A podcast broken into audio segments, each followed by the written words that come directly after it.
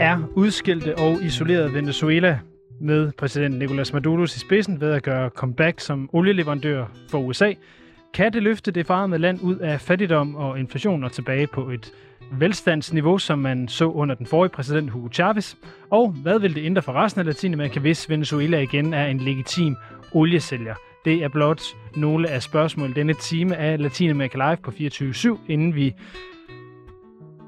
giver den op til en lang lørdag aften her på kanalen. Velkommen til Latin Mac Live denne gang, denne lørdag eftermiddag, den 26. marts 2022. Mit navn er Lasse Yde Hegnet.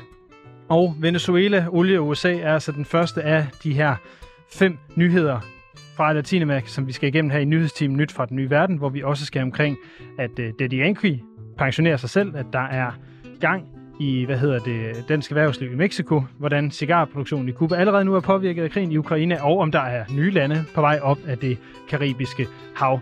Ved at spejle sig i de begivenheder og konflikter, der lige nu diskuteres på caféerne fra Argentina helt i syd til Mexico i nord, prøver vi at blive klogere på de mange fascinerende lande i Latinamerika, og måske kan vi også lære noget om os selv undervejs. Så i denne time, der skal du altså sige adios til Danmark og finde pas, poncho og papagøj frem, for nu tager vi en lille rundflyvning og ser på, hvad der rører sig i det oversete Amerika, nemlig Latinamerika. Mit navn er Lasse Udhegnet, og øh, jeg står her i studiet i København, og med mig fra Honduras er Arne Christensen. Velkommen til dig, Arne. Tusind tak skal du have, Lasse. Og du er jo som vanligt ved, ved, med fra Tegucigalpaerne. Øh, hvad er der noget spændende i gær i Honduras lige øh, i øjeblikket, udover det her med, øh, at øh, den tidligere præsident han er blevet udleveret til USA? Altså, jeg kan, jeg kan fortælle, at jeg er ude på en, en, øh, en rigtig lang øh, køretur i landet, øh, fordi jeg har lidt arbejde, hvor jeg er rundt i landet, og på alle benzinstationer, jeg var på, der øh, kunne de altså, øh, dem der står og tanker benzin der på bilen, for der er altid sådan en, der hjælper dig, de beklagede sig altså over, at øh, benzinen den kommer til at stige. Den var allerede stiget, og den kommer til at stige. Så på den måde så er konsekvenserne af krigen også kommet til lille Honduras. Og det, dermed har vi jo nogle, allerede nogle ret store ligheder mellem Danmark og Honduras. Benzinpriserne stiger, og dermed så er vi altså klar til at tage fat på, øh, på den her nyhedstime, hvor i, i de næste lidt mere end 50 minutter skal være i selskab med Arne og jeg, og en masse nyheder fra Latinamerika. Musik.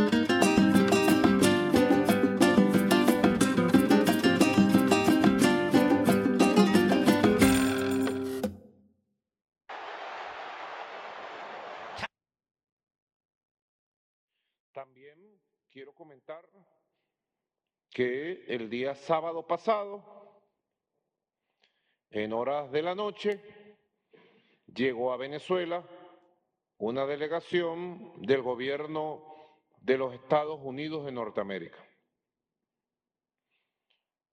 La recibí acá en el Palacio Presidencial Og øh, Arne, hvis øh, man ikke lige øh, nødvendigvis lige kan kende stemmen her, øh, hvem er det så, vi, øh, vi hører sige noget? Jamen, det er jo vores øh, gode øh, Maduro, præsident i, i Venezuela, som øh, med en meget rolig stemme fortæller, at han har haft besøg fra USA, og han siger The United States of America, og ikke Yankees, og hvad han ellers plejer at kalde dem. Så han har nok været glad for besøget. Det, det kunne nemlig lyde sådan, fordi det, det kom forholdsvis hurtigt efter, at øh, Rusland invaderede Ukraine, så landede der en øh, special delegation fra USA i øh, Venezuelas hovedstad Caracas, og med der, der var der altså nogle øh, folk, der gerne ville tale med Nicolas Maduro om øh, det her sorte øh, olie, som øh, der er masser af i, i Venezuelas øh, undergrund. Arne, øhm, hvad er det, der er historien specifikt bag at øh, den, her, den her forhandling? Fordi det er jo ikke lige frem, fordi Venezuela og USA har været venner de sidste 10 år.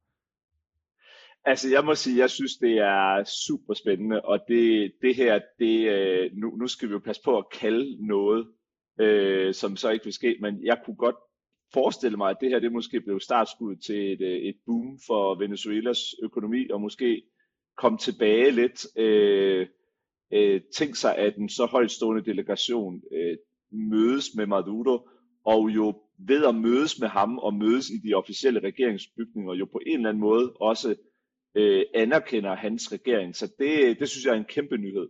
Det er en, øh, det er også en grund til, at vi tager den som den første, det kan vi vist uh, roligt sige, fordi det er måske den, den, den vigtigste nyhed i, uh, i Latinamerika i, uh, i meget, meget lang tid, netop fordi Venezuela for 10 år siden jo var et meget velstående land, produceret utrolig meget olie. Tallene skal vi nok komme ind på lidt, øh, lidt senere. De var med i øh, den her handelsunion, som minder lidt om EU, som hedder Mercosur. Øh, som de altså er så blevet ekskluderet fra, og øh, i øvrigt øh, er det jo også grunden til, at, øh, at Venezuela var et meget velfungerende land, før man du egentlig kom til. Det var, fordi man havde utrolig mange oliepenge og fik øh, løftet hvad hedder det, den gennemsnitlige levestandard. Så inden vi lige dykker helt ned i det, Arne, hvordan plejer de her latinamerikanske lande at, at se på Venezuela? Hvad er holdningen til, øh, til landet? I hvert fald under du styrer, er måske mest væsentligt at sige jeg tror godt, man kan sige, at for det store flertal af, af lande i Latinamerika, der er Venezuela blevet et skræmme eksempel nu. Altså alle, der har en, en vis alder, kan jo godt huske til meget tilbage i tiden, at Venezuela var et rigt land og, og et, man så op til. Men det er jo efterhånden lang tid siden, at det gik sådan. Det er gået stødt ned ad bakke. Øh, 6 millioner øh, interne fordrevne og flygtninge. Mange af dem er, er rådet til, øh, til Colombia øh, et meget upopulært styre, og, øh, og også, man har også set i mange af de her valgkampe, der har været for nylig, hvordan at, øh, at et typisk angreb fra højrefløjen mod, mod venstrefløje i forskellige lande, hvor der har været valg, det er, øh, hvis vi giver de venstreorienterede magten, så ender det ligesom Venezuela. Altså det bliver ligesom nævnt som et, som et skræmme eksempel. Og, og også i det lys er det jo spændende at se, om, om det her, den her lille delegation, den kan markere et eller andet oplødning mellem USA og, og Venezuela. Netop, så for prøv lige at, at tage den, øh, gå lidt tilbage, længere tilbage, end var du dengang det er Hugo Chavez, der sidder og er præsident. Det er måske et navn, som, som ringer en klokke for nogle af, af dem, der lytter med, øh, selvom det er noget tid siden, at han, han døde og overlod magten til Maduro. Så var det jo nemlig sådan, at Venezuela var det stabile land i, i det nordlige Sydamerika, hvor alle flygtninge fra Colombia, altså der flygtede fra de interne krige med FARC og fra alle narkobanderne, de flygtede til Colombia, eller stod op til Venezuela, og nu er det altså så gået den anden vej rundt. Så de, øh, de er lidt skiftet til at have pas på hinandens flygtninge og internt øh, fordrevne de her to lande. Øhm, lad os så prøve lige at dykke ned i, i de her tal, og det er jo her, det kan blive lidt, øh, lidt kompliceret, så skal jeg prøve at holde det simpelt. Men det er jo sådan, at øh, USA, øh, så vidt jeg har kunne finde ud af, importerer dagligt 700.000 tønder olie fra Rusland. Hvad det betyder, det, det skal vi nok også lige komme bag til. Øh, og der, øh, det, som der er, er sagen lige nu, det er, at det amerikanske olieselskab Chevron, som er det sidste af de amerikanske olieselskaber, der stadigvæk har en form for operationer i Venezuela, de har fået lov til at, øh, at genåbne eller genstarte deres øh, operationer i det hvide hus. Så de håber altså på at kunne, kunne op og ramme 800.000 tønder olie dagligt i deres produktion. Så det vil sige, at de, Venezuela jo sådan en til en skal gøre op for, for det, USA har, har købt af, af, af Rusland. Og det er altså bare her for tre dage siden, at Chevron de fik, øh, de fik grønt lys til, øh, til det. Så øh, hvis vi skal prøve at sætte det sådan lidt i perspektiv, så kan jeg fortælle, at Venezuelas olieproduktion i 2021, øh, hvor den ligesom redder sig selv fra, et, øh, fra at have været i frit fald i mange år, der øh, rammer den i gennemsnitligt øh, 636.000 tønder om dagen. Øh, så det vil sige, at man altså skal over og fordoble øh, Venezuelas olieproduktion. For at relativisere det en lille bitte smule, så kan jeg fortælle jer, at øh, der går 159 liter olie på en tønde. Så det vil sige, at Venezuela altså produceret øh, nu skal jeg se, 101 milliarder 124 millioner liter olie om dagen. Det er et meget, meget voldsomt tal. Og jeg kan øvrigt i, i samme øh, omgang øh, hvad hedder det, for at fortælle, at det Danmarks olieforbrug hvad hedder det, i 2020 var på 125.000 øh, tønder øh, hvad hedder det, olie om dagen, så vidt jeg har, har fundet ud af. Så det er altså fire gange Danmarks, øh, lidt mere end fire gange Danmarks øh, forbrug om dagen, som Venezuela de, de producerer. Arne, hvad tænker du, når jeg slynger sådan en masse tal ud? Ja, altså, øh, jeg tænker, øh, at øh, jamen, altså, det er en vigtig ting, hvis for de folk, der ikke ved det, som man skal vide, det er jo, at Venezuela har en af verdens, hvis ikke verdens aller, aller største oliereserver, i hvert fald den største oliereserve i the Western Hemisphere, som man siger herover. Øh, så det er jo et, et land rig på olie, øh, og øh, på papiret jo derfor også har øh, øh, den primære mulighed for at kunne producere meget olie. Øh, og, og derfor så, øh, øh, ja, så kommer det næste spørgsmål, det er selvfølgelig, altså har de så den tekniske øh, kapacitet til at kunne hive mere op af jorden, men, øh, men det er jo også interessant at se, hvor, hvor relativt hurtigt øh, sanktioner kan komme og gå. Øhm, Præcis, altså den for her, Venezuela har nemlig været sanktioneret af USA i, i, i mange år. På lignende vis, som vi ser, at, at Rusland er blevet sanktioneret øh, i øjeblikket, og som Kuba også er blevet sanktioneret, netop for at straffe Maduro-styret for at være både øh, antidemokratisk og hvad hedder det, forholdsvis voldeligt, for at sige det pænt. Præcis, og derfor så skal man, så skal man tænke på, altså Øh, Biden sender en, en gruppe højt øh, øh, repræsenterede øh, diplomater ned, øh, blandt andet Juan González, som er en af hans primære Latinamerika-rådgiver. De lander nede i, øh, i Venezuela, de mødes officielt med Maduros øh, folk i de officielle regeringsbygninger, hvilket så kunne indikere, at nu øh, Guaido og, og dem, der kunne huske, at der var en alternativ øh, præsident på et tidspunkt, øh, den anerkendelse er lige pludselig lidt relativeret. Og, og samtidig så kan man sige, at øh, hvad er det, de siger, øh, money talks, bullshit walks, altså lige pludselig har USA brug for olie, og selvom at, at besøget, altså USA har forsøgt at downplay det noget, og at det officielt set handler om nogle, øh, hvad hedder det, nogle, nogle amerikanske statsborgere, der har set øh, øh, fængslet i Venezuela, som skulle udleveres, altså det handler besøget officielt om, så øh, handler alle overskrifter jo i aviserne i, i USA, de handler jo om, at, at nu kan der måske åbnes for, for øh, olieleverancerne til USA igen. Og, øh, og det har bare så mange perspektiver, der er så interessante, fordi det betyder jo også, at den her akse, som vi er vant til at høre om med Venezuela og Rusland, den måske, måske også kan blødgøres lidt, og at, at USA vinder noget geopolitisk terræn også, og at Maduro, hvor han i starten jo af krigen øh, øh, proklamerede med høj røst sin, sin fulde og hele stemme til Putin ja, og det, han det havde, havde vi havde vi med her i programmet. Det var meget underholdende, hvordan han nærmest sad og råbte bag sit skrivebord øh, sin støtte til Rusland. Præcis, og derfor så er det jo, altså det er også noget af det, som, som vores program kommer til at handle om i dag, altså det her med, at der er nogle store øh, tektoniske plader, der begynder at skifte rundt i, i verdenssamfundet i forhold til import og eksport og geopolitiske alliancer osv. osv. Og øh, vi bliver nødt til at gentage det nogle gange, men de her tre lande, Cuba, Nicaragua og Venezuela, hvor Venezuela øh, er det, er det største, øh, og deres link til Rusland, altså det, det er også interessant at se, altså om en måned, om to, om tre, når nogle af de her import-eksport ting, de begynder at ændre sig, og når de her statsledere, og især Maduro, jo lige pludselig, det er jo sjovt, når han normalt snakker om øh, Los Yankees og Los Gringos og den, den store djævel, og så lige pludselig så sidder han sådan en meget statsmand og siger, at han har haft et officielt besøg fra de forenede amerikanske stater. Altså, så det bliver sjovt at se, om, om det materialiserer sig i, i, i konkret eksport af olie. Det gør det, og øh, jeg har jo personligt øh, stor interesse for, for Cuba og for, for, for samfundsudviklingen der. Altså en af grundene til, at Cuba jo kunne ikke faldt sammen efter øh, Sovjetunionens sammenbrud, det var netop fordi Venezuela gik ind øh, i form af Hugo Chavez og holdt hånden under øh, Castro-styret og begyndte at levere olie og begyndte at levere penge til, øh, til Cuba, som jo så til gengæld har leveret efterretninger og militær træning og alt muligt andet til øh, Venezuelas styre, og det er blandt andet også en af grundene til, at Maduro han stadigvæk sidder som præsident, det er altså de kubanske efterretninger. Så det bliver også enormt interessant at se, om Cuba, som er meget trængt i øjeblikket, om de lige pludselig igen begynder at få olie og støtte fra, øh, fra Maduro, så det, sådan, så det indirekte kommer fra USA. Sådan er, er verden skørt. Jeg vil lige sætte et tal mere på, bare lige for at, at, at illustrere, hvor stort Venezuela har været i forhold til olieproduktion.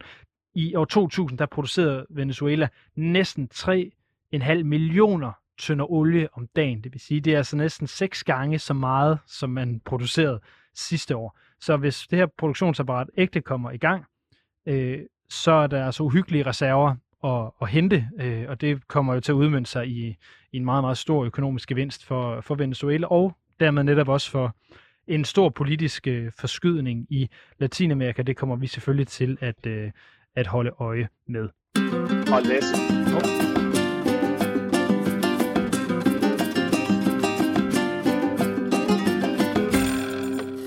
Ja, nu er du med på en telefon, Arne, så nogle gange så kommer jeg bare til at afbryde dig med en skiller. Hvad vil du sige?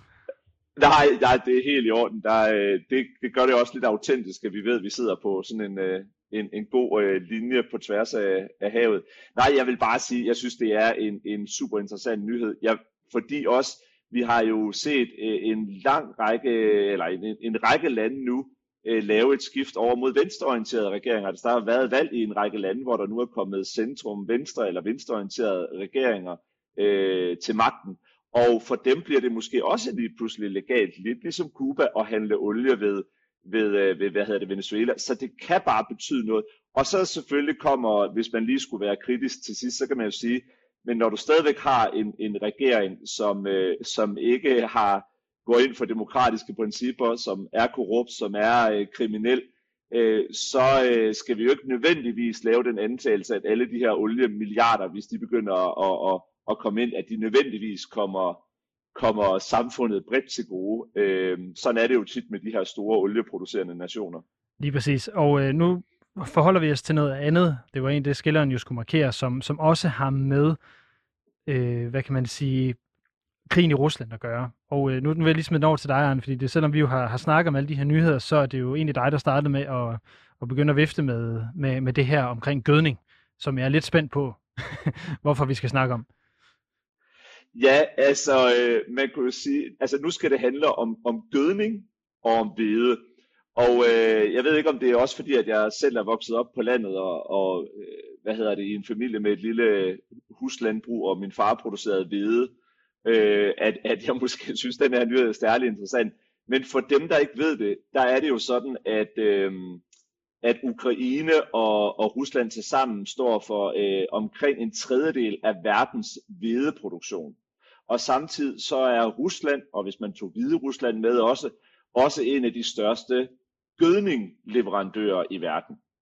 Og øh, det, øh, det, det er bare interessant at så se, hvordan påvirker det så har verdenssamfundet. Der er et lille lydklip også, jeg ved ikke, om du har det klar. Nej, det, det har jeg desværre ikke, ikke noget. Vi havde ja. lige lidt tekniske udfordringer, inden, øh, inden vi skulle på, så det, det har jeg desværre ikke. Kan du prøve at beskrive, hvad det er, der er i det lydklip så? Jamen altså, det er jo bare det her med, at, at normalt så går vi jo bare ned i supermarkedet og, og, og, øh, og køber det, vi nu skal, skal købe. Men hvis man begynder at tænke på, hvor mange ting man faktisk bruger hvede til, Øh, det er jo i ens mysle, det er brød, det er øl, øh, det er mel, det er alle mulige forskellige ting, vi har brug for hvede i.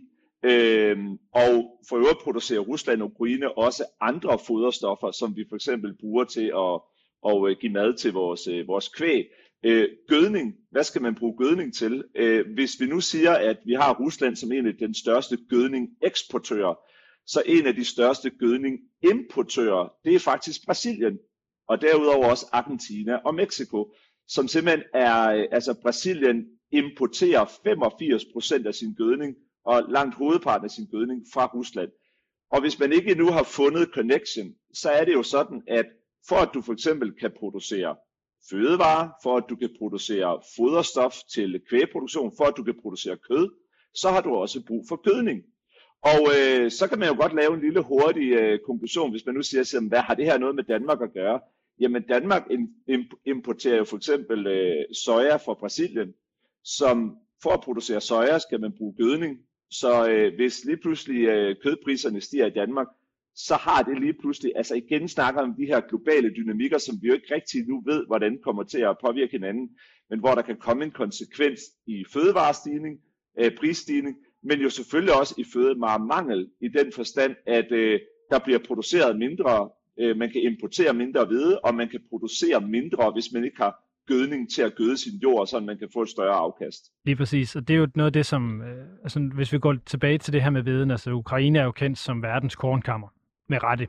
Øh, og det, at der ikke længere kan øh, eksporteres hvede, og at høsten i år formentlig går fuldstændig galt, det kommer jo til at betyde, at der er rigtig mange af de her tredje verdenslande, som er afhængige af øh, hvad hedder det, import af hvede fra, fra Ukraine, risikerer at stå med, med stor hungersnød senere på året. Så hvis I derude kommer til at høre om, om voldsom hungersnød i Afrika i år, så er det muligvis på grund af den her krig, og på grund af, at der ikke længere bliver importeret hvede, eller ikke er muligt at importere hvede øh, i afrikanske lande. Og når vi taler om gødning, så betyder det også, at der er forskellige produkter nu, hvor du er inde på hvad hedder det, produktionen af, af soja, eksempelvis, som bliver, bliver påvirket i forhold til, øh, at det jo så skal bruges som hvad hedder det, foder til landbrugsdyr i Danmark og alle mulige andre steder, hvilket gør, at, at øh, priserne på det kommer til at stige.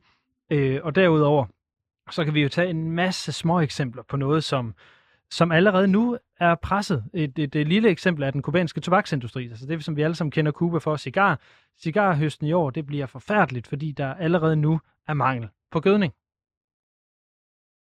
Præcis, og det, det er lige præcis de der konsekvenser, hvor at, øh, at, at vi lever jo i en verden i dag, som er fuldstændig connected, og derfor så kan man sige, at vi kan godt smide en masse sanktioner ned over Rusland, men hvad er det for nogle ringe i vandet, der breder sig?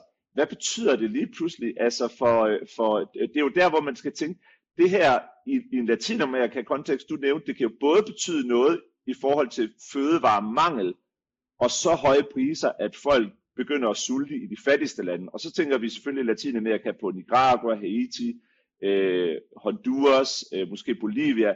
Men det kan jo også betyde simpelthen, at man i de store lande, Mexico, Argentina, Brasilien, som jo for eksempel eksporterer meget kød, og, og alle mulige andre ting, hvor man har brug for gødning. Hvad ved jeg, man skal også bruge gødning til vinproduktion osv., at du lige pludselig ser nogle prisstigninger, der, der er helt vilde, Øh, og, og derfor så øh, øh, Bolsonaro øh, var ude og altså udtale sig om gødning, hvor tit ser man en præsident udtale sig om gødning og siger, vi er alt for dependent og øh, vi er alt for afhængige af gødning. 85% af vores gødning importerer vi nu.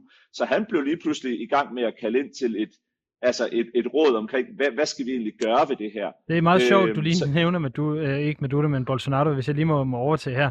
Fordi Bolsonaro er jo, som øh, mange kan, øh, måske har fået et billede af ham, sådan en, en Brasiliens udgave af Trump. Han er i hvert fald en enormt opportunistisk øh, præsident, som allerede nu har forsøgt at bruge den her situation til at få legaliseret minedrift i beskyttede, øh, altså fredede områder øh, på oprindelige folks land i Amazonas, fordi man derude påstår, at der er kalium.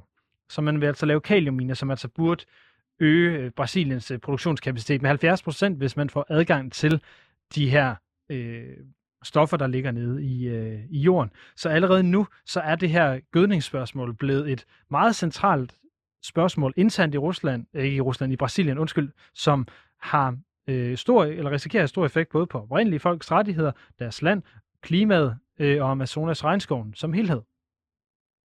Præcis, og det, det er jo, øh, altså der er jo findes jo den her øh, øh kliché om kriser, hvor man, hvor at, øh, uh, don't waste a good crisis, altså at nogle gange kan en krise også blive noget, som nogle lande eller nogle regeringsledere ligesom bruger til et eller andet, og, og øh, det kan jo godt være, at, øh, at selvom det i, i øjeblikket ser ud som en krise til Brasilien, at det er noget, Bolsonaro han kan få forvente til et eller andet, han kan bruge til noget. Og det forklarer måske også meget godt, hvorfor Mexico og Brasilien, som to af de, i de største økonomier, har været meget vage omkring deres udtalelser til den her øh, krig, simpelthen fordi, at der er de her øh, store øh, import-export øh, øh, relationer, øh, og derfor ved de godt, at de skal, de skal holde lidt lav profil. Så der er jo, vi kan snakke om de negative konsekvenser, altså fødevaremangel, øget fødevarepriser. Jeg kan ikke lade være med at tænke på måske også om, måske ikke lige nu, men på sigt det kan skabe nogle positive konsekvenser. Hvem ved, om øh, man måske ser mere landbrug, der bliver lagt over for sådan et, et meget øh, forurenende industrielt landbrug til måske noget lidt mere bæredygtigt landbrug. Hvem ved, om der kan være lidt mere lokal transport? Øh, giver det virkelig mening at sejle så mange containerskibe med gødning fra, øh, fra Rusland til Brasilien? Kunne man ikke producere noget lokalt? Altså, det, er jo, det bliver nogle ting, der bliver enormt spændende at se på, synes jeg. Det gør det, og så har du også et interessant spørgsmål her, at hvis det skal produceres lokalt, så kan det være, at Bolsonaro han vil rydde endnu mere regnskov for at få det til at ske. Ja. Øh, og det er jo med, med det, når jeg, når jeg siger det, så at, at det her, det er jo altså Bolsonaros forslag omkring den her øh, minedrift. Øh, det er jo også en læflen for hans vælgerbase, som er meget Klart. højorienteret, og som er stærkt baseret på landbruget. Det er jo også det, der er kommet til udtryk i hans hidtidige politik som præsident med den her afskovning og afbrænding af Amazonskoven for at give mere plads til, øh, hvad kan man sige, landbruget i, øh, i Brasilien. Så alt det her er også et, øh, et forsøg fra Bolsonaro på at sikre sig et genvalg, når der nu er præsidentvalg i Brasilien i oktober i år. Så der er mange dynamikker og mange, hvad kan man sige, bolde, der skal, der skal holde i luften der skal holdes i luften i det. Nu har, hvis vi går væk fra Brasilien, så har jeg nævnt Cuba som et land, som allerede nu kan se, der bliver øh, hvad kan man sige, et meget, meget stort problem for dem i forhold til deres øh, tobakshøst helt specifikt. Og så er der også hele blomsterindustrien i Colombia, som også kommer til at lide ja. under det her.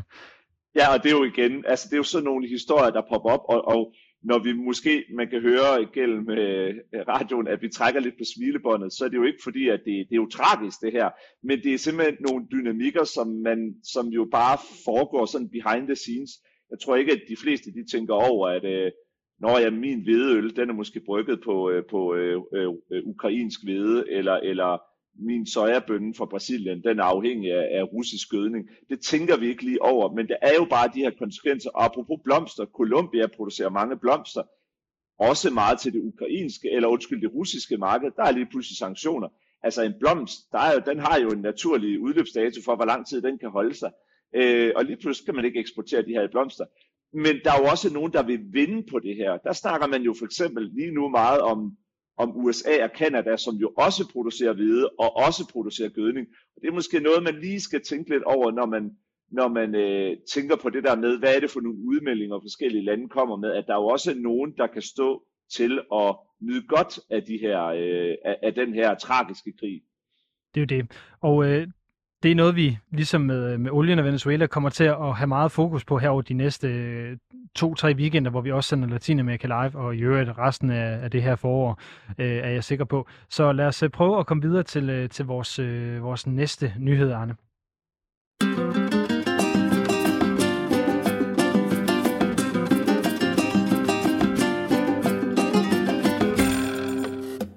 Den øh, næste nyhed, den, øh, den starter egentlig øh, med et musiknummer fra 2004. Så, så Arne, lyt lige med her. Jeg sætter lige noget på, og så kan vi, øh, kan vi lige snakke om, hvad, hvad, hvad det egentlig er for noget.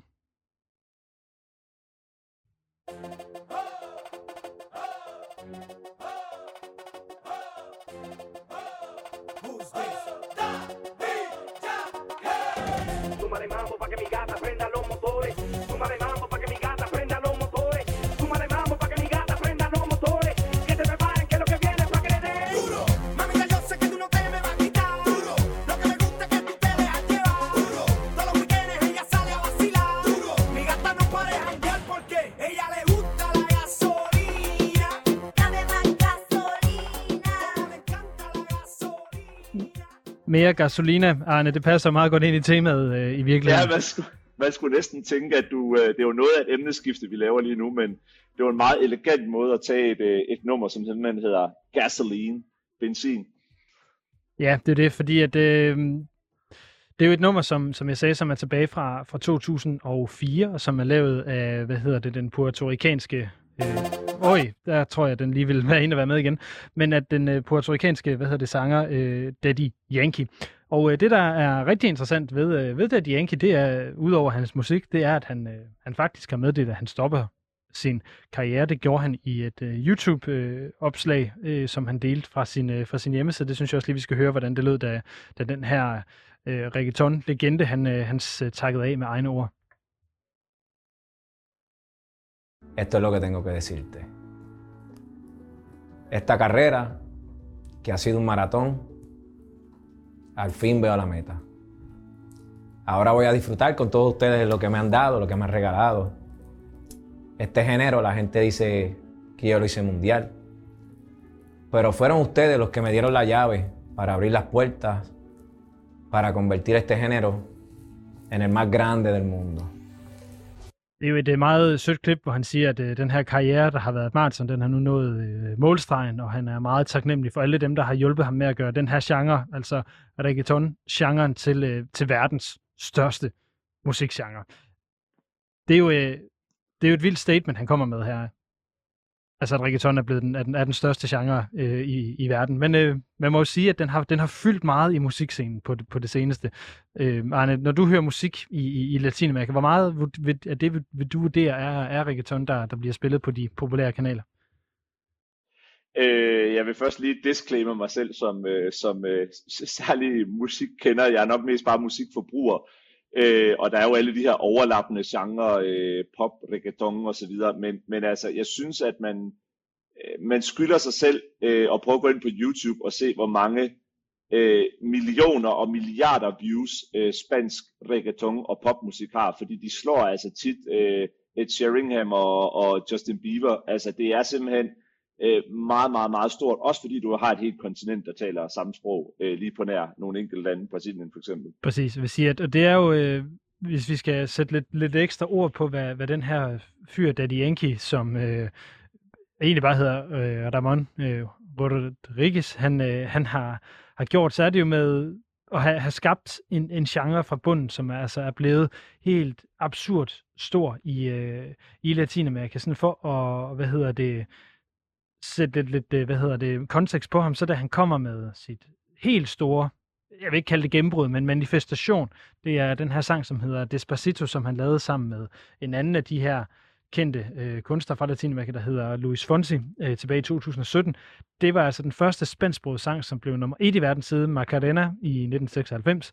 Og Daddy Yankee, han blev som øh, på baggrund af det den mest lyttede kunstner overhovedet på Spotify i 2017. Øh, og videoen til øh, den her sang, den fik altså hurtigt mere end en milliard views på, øh, på YouTube og kom op og blev en af de allermest øh, populære overhovedet. Øh, jeg tænker, Arne, bare lige for, at, øh, at øh, lytterne er med, at vi lige smider lidt af, hvad hedder det, Despacito på, sådan så alle derude, de, øh, de lige er med på, hvor vi øh, er henne, rent øh, musikmæssigt. Lad os gøre det.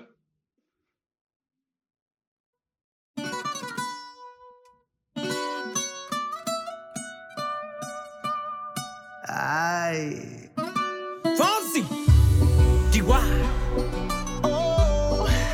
Tror, de fleste allerede kan mærke, at 2017 kommer tilbage i benene her. Sabes que ya llevo un rato mirándote. Tengo que bailar contigo hoy. Vi que tu mirada ya estaba llamándome. Muéstrame el camino que yo voy. Oh, tú, eres el imán y yo soy el metal. Me voy acercando y voy armando el plan. Solo con pensarlo se acelera el pulso. Oh yeah, ya, ya me está gustando más de lo normal. Todos mis sentidos van pidiendo más. Esto hay que tomarlo sin ningún apuro. Despacito, quiero respirar tu cuello despacito. Deja que te diga cosas al oído. Arne, hvis du nu fik en øh, krone for hver gang, du har hørt det her nummer, hvor mange penge vil du så have? Øh,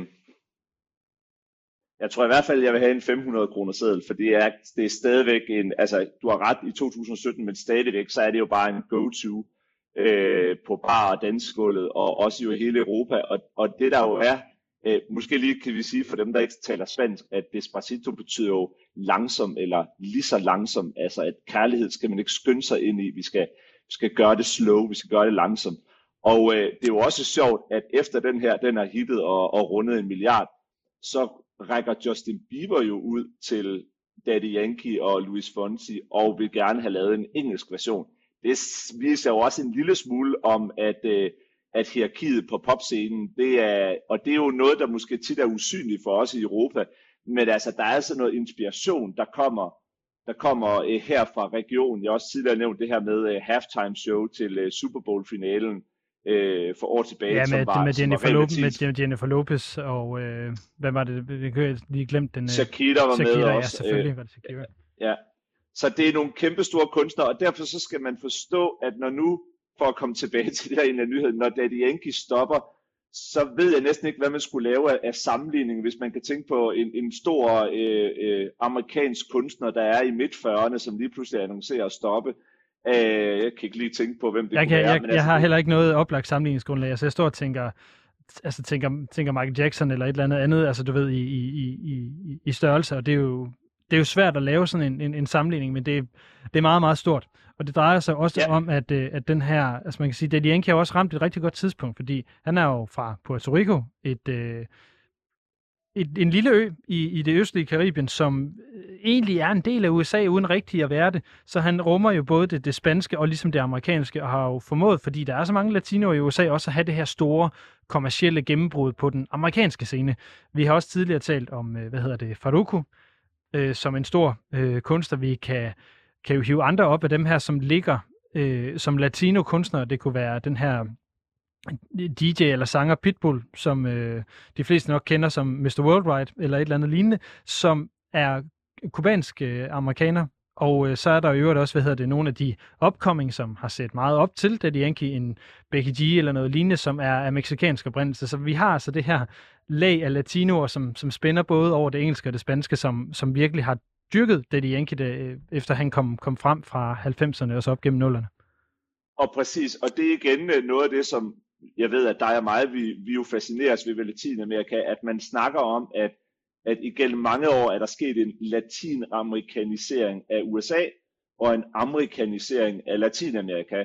Og den ser man jo også på musikscenen. Det vil sige, når, når der kommer en film med Fast and the Furious, eller et eller andet andet, øh, øh, øh hvad hedder det, øh, Øh, øh, øh, altså en klassiker inden for, inden for øh, øh, film, så er der latinamerikanske øh, skuespillere med, der er latinamerikansk musik, øh, og du ser rigtig meget af det her fusion, øh, Shakira og Black Eyed Peas, og det er jo fordi, det er et kæmpestort marked, øh, du har et sprog, der dominerer, og, øh, og så er det også en, øh, noget, der, der, sætter, der sætter trends øh, på den globale scene. Så det, at Daddy Enke han nu trækker sig, det, øh, øh det, er, det er noget, som rigtig mange øh, har været ude og reagere på på Twitter og alle mulige andre steder. Det er det også, som sagt, nogle af de her helt store øh, hvad hedder det, øh, reggaeton øh, kunstnere i dag. Altså det name drop, vi bare lige øh, Jay Baldwin, øh, Nadia Natasha, øh, og Alejandro, øh, Justin Quiles, Becky G og så videre har været ude og, og hvad hedder det, og, og, og takke ham for alt det, han har gjort for, øh, for genren. Og øh, til dem, som måske er lidt, lidt nysgerrige på, hvad Daddy Yankee han så er i, i dag, nu hvor han som 45 stopper, så udgav han faktisk her i går øh, sit sidste album, som hedder Legend Daddy. Øh, Selvfølgelig. Ja, hvad, hvad ellers, som har et, en, en, en ged, en blodig ged, der, der, der pryder forsiden, og det er jo selvfølgelig en reference til det her GOAT-begreb, altså Greatest of All Times, som øh, han prøver at skrive sig ind i der. Og så kører han øh, sin sidste øh, World Tour, La Ultima Volta, som starter den 10. august i Portland, Oregon i USA, og slutter 2. december i Mexico. Han kommer desværre ikke til Europa, så hans verden, det er altså øh, The Americas, øh, både nord og, øh, og syd. Og øh, er, det, er det her, vi skal efterlade kongen af, af, af reggaeton, og så sige tak for, for musikken, Arne?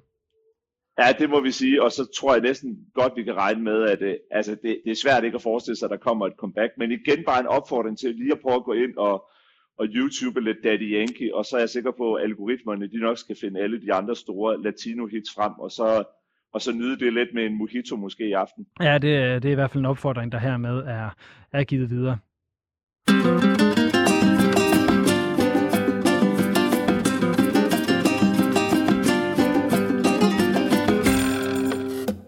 Vi bliver lige lidt ved øh, musikken. Vi skal til noget Madonna, og det er der så også en grund til. Så I får lige lov til at høre lidt af et nummer, der hedder Isla Bonita her, inden vi, øh, vi går videre til den, øh, til den næste øh, historie, som vi har på trapperne.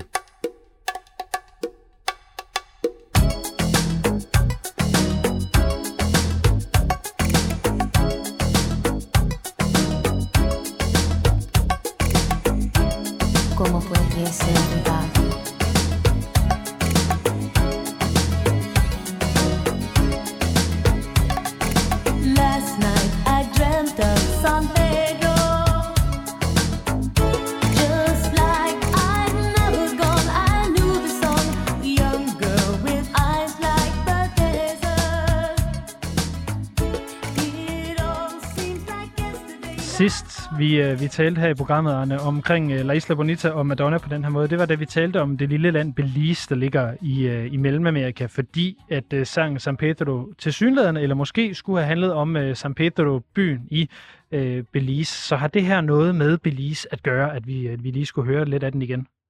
Ja, jeg synes næsten godt, vi kan sige, at øh, hver eneste gang vi skal snakke om Belize, så sætter vi Isla Bonita på fra, fra Madonna, som jo handler om, som jo handler om, om, om San Pedro. Hun har vist været ude at disclaime det, men der findes den her øh, halvø ud for Belize, hvor der er en, en fantastisk by, der hedder San Pedro, som ligesom har taget den her sang til sig, fordi den jo handler om Isla Bonita, betyder den smukke ø, som handler om den her eksotiske ø, og, og hvordan Madonna forelsker sig i alt det eksotiske, og en, en sød mand der i Isla Bonita. Så, øhm, og det skal også handle om øer nu, fordi øh, vi er jo stødt på, Lasse, en, en nyhed, som måske kunne indikere, at der er et nyt land på vej i ja, Latinamerika. det er jo nemlig det, det kommer jo ikke ud af det her, øh, som jeg måske fik det til at lyde lidt som til at starte med, at øh, øer vokser op af havet. Det er simpelthen fordi, at øh, der er nogle ret interessante, hvad kan vi sige, kan vi kalde det forholdsvis liberale Øh, øh, hvad hedder det, initiativer i spil i, øh, i Karibien. Øh, vi kender jo det her i forvejen med, at der er en masse rige mennesker, der ejer øer, men, men Arne, så lige lidt, lidt, lidt ord på, på det her Let's Buy an Island-initiativ. Øh, ja, måske skal vi lige først snakke om det konkrete initiativ, og så kan vi snakke lidt om, om tendensen. Altså, der er simpelthen øh, to øh, amerikanere, Marshall Meyer og Garrett Johnson, som øh, for år tilbage startede et initiativ, som hedder Let's Buy an Island, hvor de forsøgte at crowdfunde til at købe en ø, fordi, som de siger, hvem kunne ikke godt tænke sig at blære sig med, at øh, man ejer sin egen ø. Og de har nu så endelig fået øh, købt en ø for øh, 250.000 dollars, så hvad er det? En halvanden million kroner, en, en lille ø, øh, kun sådan en, øh, øh, hvad hedder det, 15-20 km ud for Belize's kyst, og hvis folk ikke lige kan placere Belize, så skal vi forestille os, at vi har øh, USA, der snæver ind og bliver til Mexico, og bliver til det her, små, tø, øh, det her sm- lille tynde stykke med de mellemamerikanske lande, og Belize er så et af de mindste lande i Mellemamerika, og den eneste engelsksproget øh, land, altså en engelsk, øh, tidligere engelsk koloni. Og det er lige her, hvor de her to amerikanere har crowdfundet til en ø, som, øh, som de kalder Islandia, øh, og som nu har sit eget flag, sin egen nationalmelodi, og, øh, og har 122 investorer og allerede 550 borgere. Så der er simpelthen et nyt land øh, på vej. Det synes jeg da godt, øh, vi kan kippe med flaget for. Ja, vi kan jo kippe med deres flag. Det, vi kan fortælle, at det er et øh, flag, der er todelt øh, vandret, så i den øverste del, der er der øh, lyseblåt, det ligner himlen, og så den nederste halvdel, den er så inddelt i, nu skal jeg lige tælle her, 1, 2, 3, 4, øh, omkring 8 striber, så vidt jeg lige kan tælle her, øh, hvid og grøn, øh, og så er der selvfølgelig en stor sol midt i, øh, i det hele. Og øh, det er jo ikke et anerkendt land endnu, det her Islandia.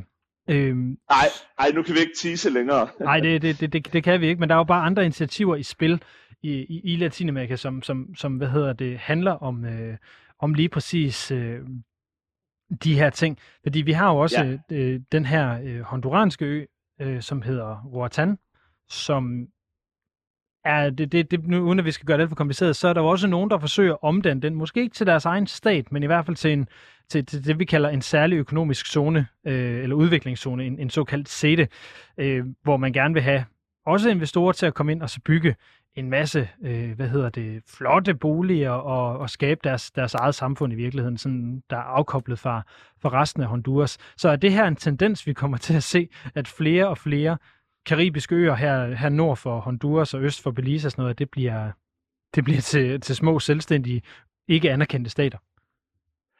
Øh, ja, det tror jeg. Og øh, jeg synes lige, der er, nogle, der er nogle forskellige facts eller trends, som vi lige skal på plads. Altså for det første, så er det jo, altså der findes mange sådan nogle, øh, jeg, jeg fandt en artikel, der siger, at der findes faktisk 400 små micronations, altså små øh, øh, sjove, ekscentriske mennesker, som får publicity stunts, eller for sjov, eller, eller et eller andet andet, eller, eller commercial, øh, hvad hedder det, forretningsmæssigt øje med, øh, køber en ø, eller køber et eller andet lille stykke jord, og proklamer, at nu har de ligesom lavet deres eget lille land. Men selvfølgelig er et land ikke officielt set et land, før det bliver anerkendt af andre lande. Så på den måde er det her jo også et stunt, altså at man siger, at man laver sit eget land. De her, der har crowdfundet til den her ø, har en intention om, at det skal blive en turistø, og der skal være noget snorkling og, og hænge ud, og digitale nomader osv. osv. Så på den måde er det ikke et rigtigt land. Øhm, så det er, den, det er den ene ting, der er vigtigt at slå fast. Den anden ting, det er jo, som du sagde lige et, et øjeblik tilbage, at, at øh, i forvejen har nogle af de her lande her en meget liberal politik i forhold til, at udlændinge kan komme ind og købe jord. Lige nu er der et byggeboom, der foregår i Belize. Der er rigtig mange øh, øh amerikanske boomer, der flytter derned. Og som du også sagde, så er der jo rigtig mange kendiser, der har, øh, altså der er en liste så lang af, af kendiser, som har en ø i Karibien, som er deres egen. Øh, og på den måde, så, så synes jeg i den grad godt, vi kan snakke om en tendens. Ja, det er jo øh, det, er det. Altså det, som der så er interessant, det er, at der netop ikke er nogen, der, der anerkender. Det Der er faktisk også en del, der problematiserer det. Der er jo mange, som eksempelvis er bange for, at øh, Honduras kommer til at miste rigtig meget suverænitet på baggrund af, af det her CETES-projekt, og så har Belize egen premierminister også været ude og tale imod det her, det her koncept. Hvad er det, det går ud på? Jamen, det går ud på, at når der lige pludselig kommer en CNN-artikel, øh, som handler om, at nu kommer der et nyt land ud for kysten i Belize, Øh, og øh, altså, der er rigtig mange øer. Jeg kender selv et par ejendomsmælere i Belize. Belize. Jeg mener, der er nogle 100 øer, og der er i hvert fald sådan 20-30 øer, der skifter ejer øh, hver eneste år. Øh, og, og på den måde er det ikke noget nyt i, at der er nogen udlænding, der køber en ø. Men det der med, at de går ud og proklamerer og laver et stunt ud af, at nu er vi vores eget land, øh, der skulle premierministeren, han skulle lige ud og, øh, og fortælle, at det kunne man altså ikke lige gøre. Øh, og så må de her amerikanske ejere jo for, forklare, at det er lidt mere en, en gimmick, hvor man kan sige, nu nævner du Honduras eksempel, er måske et mere i en alvorligt eksempel, hvor at, at Honduras har lavet en meget aggressiv øh, øh, lovgivning, som muliggør at fragive suverænitet, hvor at, øh, hvor at der så også øh, altså opstår sådan nogle meget øh, progressive, hvis man skal sige det positivt, men også problematiske øh, frihandelszoner eller charter cities, øh, hvor, at, øh, ja, hvor man sådan får sin egen jurisdiktion og, og sine egne regler. Lige præcis. Vi lader, vi lader ideen om de nye, nyoprettede stater ligge her, så skal vi lige bruge de sidste 8 minutter på at komme lidt rundt omkring, hvad der ellers er, har rørt sig i Latinamerika her de, de sidste par uger.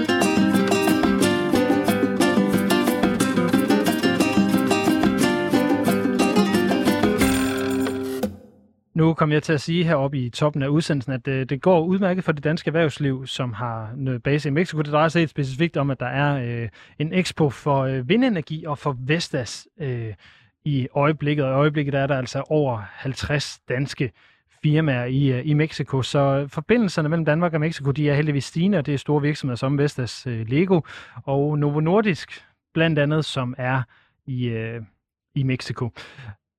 Og øh, Arne, så har vi også nogle lidt øh, andre nyheder med, inden vi lige skal over og så have noget sport her til, til, til allersidst. Det ene det er, at øh, Che Guevara's øh, bødel, altså ham, der skød ham i, tilbage i 1967, han er også for nyligt afgået ved, øh, ved døden efter noget sygdom. Øh, så den her bolivianske soldat, øh, Mario Tedan, han, øh, han er her altså ikke mere. Så på den måde så er fortællingen om øh, Che Guevara og så det her store latinamerikanske oprørsikon øh, ikon, altså også ved at, at blive til ren, øh, hvad hedder det, historisk skrivning, øh, hvor øh, de personer, som har været i live til at, at opleve ham og være en del af, af den her fortælling, de er her ikke længere. Og hvis vi så lige skal runde øh, hvad hedder det, resten af Guevaras Cuba, jamen så øh, har Fidel Castros barnebarn gjort sig uheldigt bemærket ved at køre lidt for stærkt i en Mercedes og filme det, og det blev lagt på de sociale medier. Og han har selvfølgelig været ude og beklage, at det, øh, det skulle selvfølgelig ikke være ind på de sociale medier, at han kørte for hurtigt. Så vidt jeg har læst, har han ikke beklaget, at han har kørt for hurtigt, og så kan man jo så drage sine egne konklusioner ud fra det. Og, og, og for øvrigt så er det jo også altid, øh, altså nogle gange har, har øh, også i medierne måske lidt en tendens til at gøre ting sort og hvid, men øh, det er jo altid sjovt i godsøjne, når man ser, at, øh, at nogen fra den øh, måske yderste venstrefløj ikke øh, godt kan, kan købe en, en, en dyr Mercedes og nogle kommercielle produkter. Øh, her i Honduras, hvor jeg bor, der gør man altid lidt, øh, lidt grin med, at den yderste venstrefløj, de også øh, tager mange selfies af dem selv, når de er ude og spise på McDonald's og, og alle mulige andre amerikanske franchise. Så, så tingene er ikke altid så, så højre, venstre, sorte, hvide, som vi lige vil gøre dem til. Ikke, ikke nødvendigvis. Øhm, men øh, lad, os, øh, lad os komme over til noget, noget sport, fordi der har været, øh, eller vi er inde i de afgørende runder af VM-kvalifikationen i øh, hvad hedder det, de, øh, de amerikanske lande. Og øh, der gik det godt for Costa Rica her forleden, så lad os lige høre, hvordan, øh, hvordan det så ud, da, øh, da de scorede her i, mod Canada og, og slog dem her for nylig. Campbell. Ball played far post. Calvo's there, and it's in. It's Celso Borges. Nobody has played more games for Costa Rica, and what a big moment for their main man in the midfield. Og øh, det betød altså, at øh, Costa Rica de endte med at vinde den, øh, den her kamp. Arne, det, det kan jo have en lille dansk implikation i og med, at vi har Thomas Kassansen, der er, hvad hedder det, øhm, landstræner for Panama. Så hvor, øh, hvor, hvor efterlader det her Thomas Christiansen og Panama, at, øh, hvad hedder det, øh, Costa Rica, de, øh, de altså lykkes med at vinde? Jamen det øh, gør jo bare, at det bliver to øh, de sidste to kampe enormt spændende. Det er jo sådan, at øh, i den her del af verden, der spiller alle de sydamerikanske lande, altså fra Colombia ned efter, de spiller i en bulje eller et fodboldforbund, og så Mellemamerika, Karibien, Nordamerika, USA og Kanada og Mexico spiller sig en anden. Og lige nu i den gruppe, der ligger øh, Kanada, USA og Mexico til at kvalificere sig direkte til VM, Og fjerdepladsen, som så er den, hvor man skal spille en kvalifikationskamp mod sandsynligvis New Zealand, den lå Panama på, og den overtog Costa Rica lige nu. Så i de her sidste to kampe, der bliver det altså danske, dansk trænede Panama med Thomas Christiansen, tidligere Barcelona Pro, som skal forsøge at overhale Costa Rica, og Costa Rica samtidig, nogen kan måske huske, øh, var det otte år siden, hvor at Costa Rica var den helt store VM-darling øh, ved at, at komme langt i VM-turneringen. Så det bliver, det bliver meget spændende at følge med i de her kampe. Det gør det. Vi, har nemlig, vi får nemlig også en afgørelse i den sydamerikanske gruppe her i, nu skal I se, hvor det er, vi har de, de næste kampe henne. De, øh, de bliver spillet her den 30. marts, altså i midtugen øh, i næste uge, hvor det bliver endeligt øh, afgjort, om det bliver Colombia eller Peru, som, øh, som kommer til at have en playoff-plads. Det er altså det eneste, der er spænding om i den sydamerikanske gruppe. Brasilien, Argentina, Ecuador og Uruguay, de er sikre på at skal spille VM til december. Så er spørgsmålet Præcis. altså, om det bliver Peru eller Colombia. Og, og, og en lille, og, undskyld, jeg afbryder, og en lille sløjfe til der, hvor vi så startede, det er, at Venezuela og Colombia skal mødes. De her to nabolande, som har så lang en historik øh, hvor at Colombia skal se, om de kan, de kan slå Venezuela på udebane. Og det, jeg synes jo, det er, normalt så tænker vi jo først på de latinamerikanske lande, øh, på Argentina og Brasilien og alt sådan noget, når de først er til VM, men, øh, men der bliver jo gået mindst lige så meget op i de her sidste kampe her, og, øh, og for eksempel bare det her med, at Uruguay med, med Cavani og Suarez og nogle af de der gamle store stjerner, de kvalificerer sig og måske får deres sidste VM. Det er, det er et kæmpe samtaleemne. Det er det, og Uruguay, de skal nemlig spille mod Chile, som vi måske lige skal nævne øh, i forhold til den her playoff-plads, fordi Peru, de har 21 point, Colombia har 20, og så har Chile altså 19 point. Så hvis det hele flasker sig for Chile, så kan de med en sejr faktisk også, øh, også gå videre over det. Men Peru har Paraguay på hjemmebane, og Colombia skal så spille ude mod øh, Venezuela, og det betyder så, at det er ja, landene fra den nederste del af, af det her, øh, den her turnering, som, øh, som de skal slås med, hvor, øh, ja, og der, hvor Chile og der altså har den sværeste modstander. Præcis, og, øh, og hvad hedder det, og det, øh, altså nu går vi jo ind i en, i en landsholds, øh, øh, eller vi er jo allerede i en landsholdsperiode øh, her, men altså det er også bare en opfordring til at se lidt, øh, lidt øh, latinamerikanske øh, øh, fodbold og se de her afgørende kampe og, øh, og se, hvad det ender med. Jeg vil sige, Arne, det er lidt nemt for dig at sige, fordi de bliver altså spillet klokken halv to om natten her på øh, ja, den 30. 30. marts. Så det, det, er ikke, det, er ikke, det er ikke så nemt, som, det, som du lige får det til at lyde, men, men opfordringen er der her med øh, givet videre, tænker jeg. Øh, vi er også nær ved at nå til, til vejs inde på den her øh, nyhedstime nyt fra den, fra den nye verden.